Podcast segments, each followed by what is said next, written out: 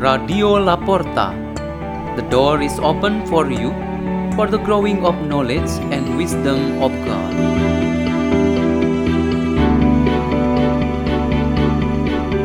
Delivered by Valerie Koh from St. Edmund Limbang Church, Diocese of Miri Sarawak, Malaysia.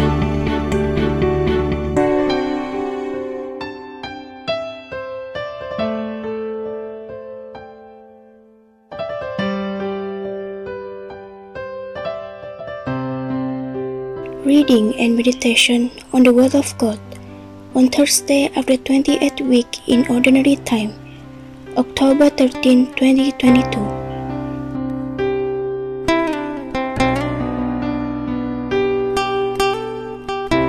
The reading is taken from the letter of the Apostle Paul to the Ephesians. Paul, an apostle of Christ Jesus by the will of God, to the holy ones who are in Ephesus, and faithful in Christ Jesus. Grace to you and peace from God our Father and the Lord Jesus Christ.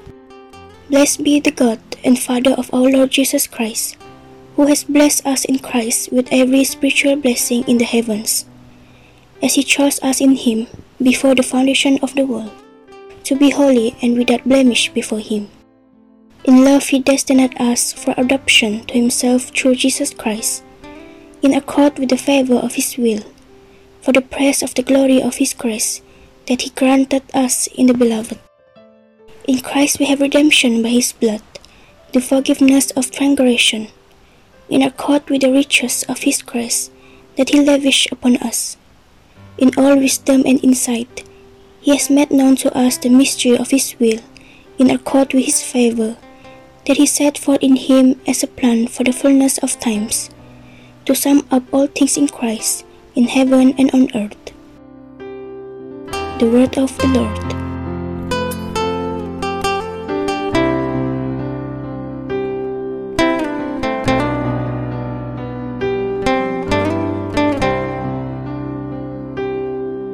The theme for our meditation today is the truth of our faith.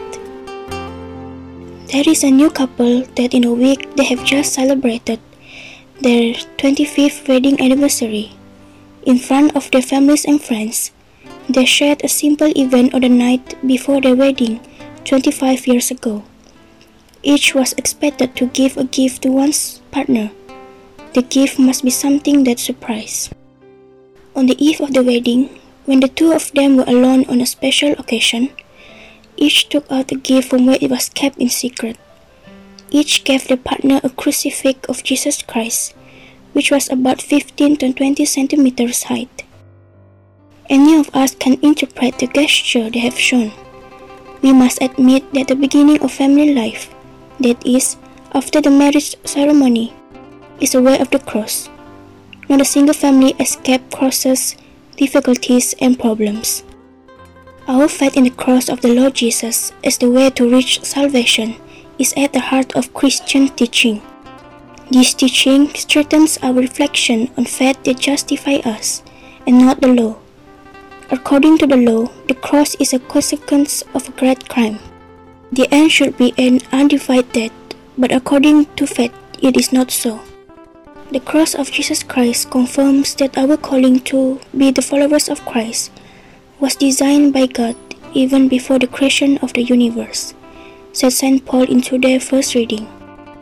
We have been determined by the Lord Jesus that we belong to Him and to be perfect like Him. We must go through the cross. Every believer who does not accept the cross in faith, he is not a true follower of Christ. So the truth of faith is a horizon of the reality of life that has no limits. We have that Christ in an eternity, even though our life in this world is not eternal. One of the proof is God's everlasting mercy. Every time we sin, we come to a God who has infinite mercy and forgiveness. Even if, for example, we forget and do not receive the sacraments, the truth is never lost even though we ignore it or not giving it any attention. The truth of faith transcends all kind of truth based on different viewpoints, which come and go from time to time. The Pharisees and scribes were eager to block the truth yet they were unsuccessful. Likewise, today, any other truth still acknowledge the truth of faith in God that determines whether or not we are worthy of being human with dignity and God's righteous people. Let's pray. In the name of the Father, and of the Son, and of the Holy Spirit. Amen. O Lord, accept our suffering today and purify us. Hail Mary, full of grace, the Lord is with thee. Blessed art thou amongst women, and blessed is the fruit of thy womb, Jesus. Holy Mary, Mother of God, pray for us sinners now and at the hour of our death. Amen. In the name of the Father, and of the Son, and of the Holy Spirit. Amen. Radio La Porta. The door is open for you.